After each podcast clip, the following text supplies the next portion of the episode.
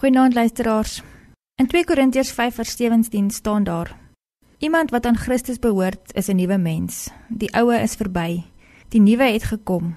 Dit is 'n wonderlike versie wat 'n mens ook maar kan bedink en bepeins en vir die Here vra om dit deur sy gees vir jou oop te maak.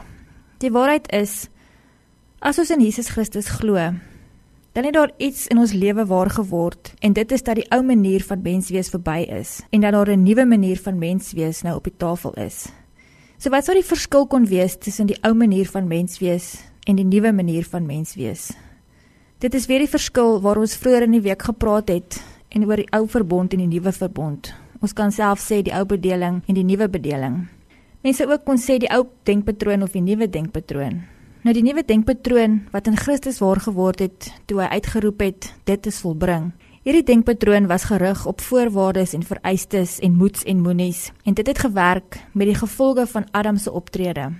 Adam se optrede het sekerlik gevolge gehad in die lewe en in die wêreld en in die ou bedeling moes daarmee rekening gehou word.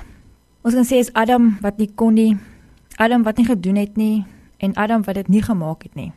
En dit is die materiaal waarmee ons moet werk in die ou bedeling. Dit is gelukkig nou verby. As jy in Christus glo, is dit die ou bestaanswyse of ou manier van mens wees wat nou afgeskryf is en wat weg is en wat tot niet is.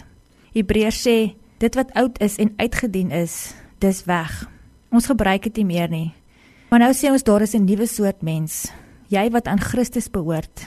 Dan word daar nou met ander materiaal gewerk. Nie meer die gevolge van Adam se optrede nie.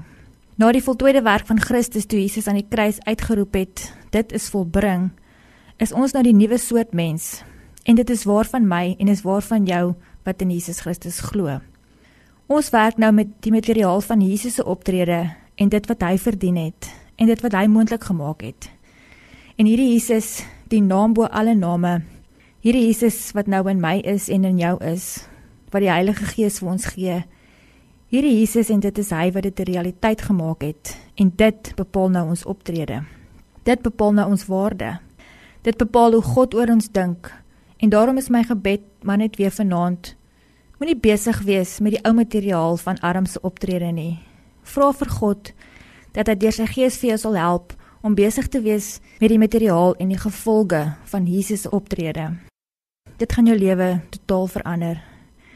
Hemelse Vader, dankie dat ons vanaand net weer kan rustig raak met hierdie wete dat U ons nuwe mense kom maak het.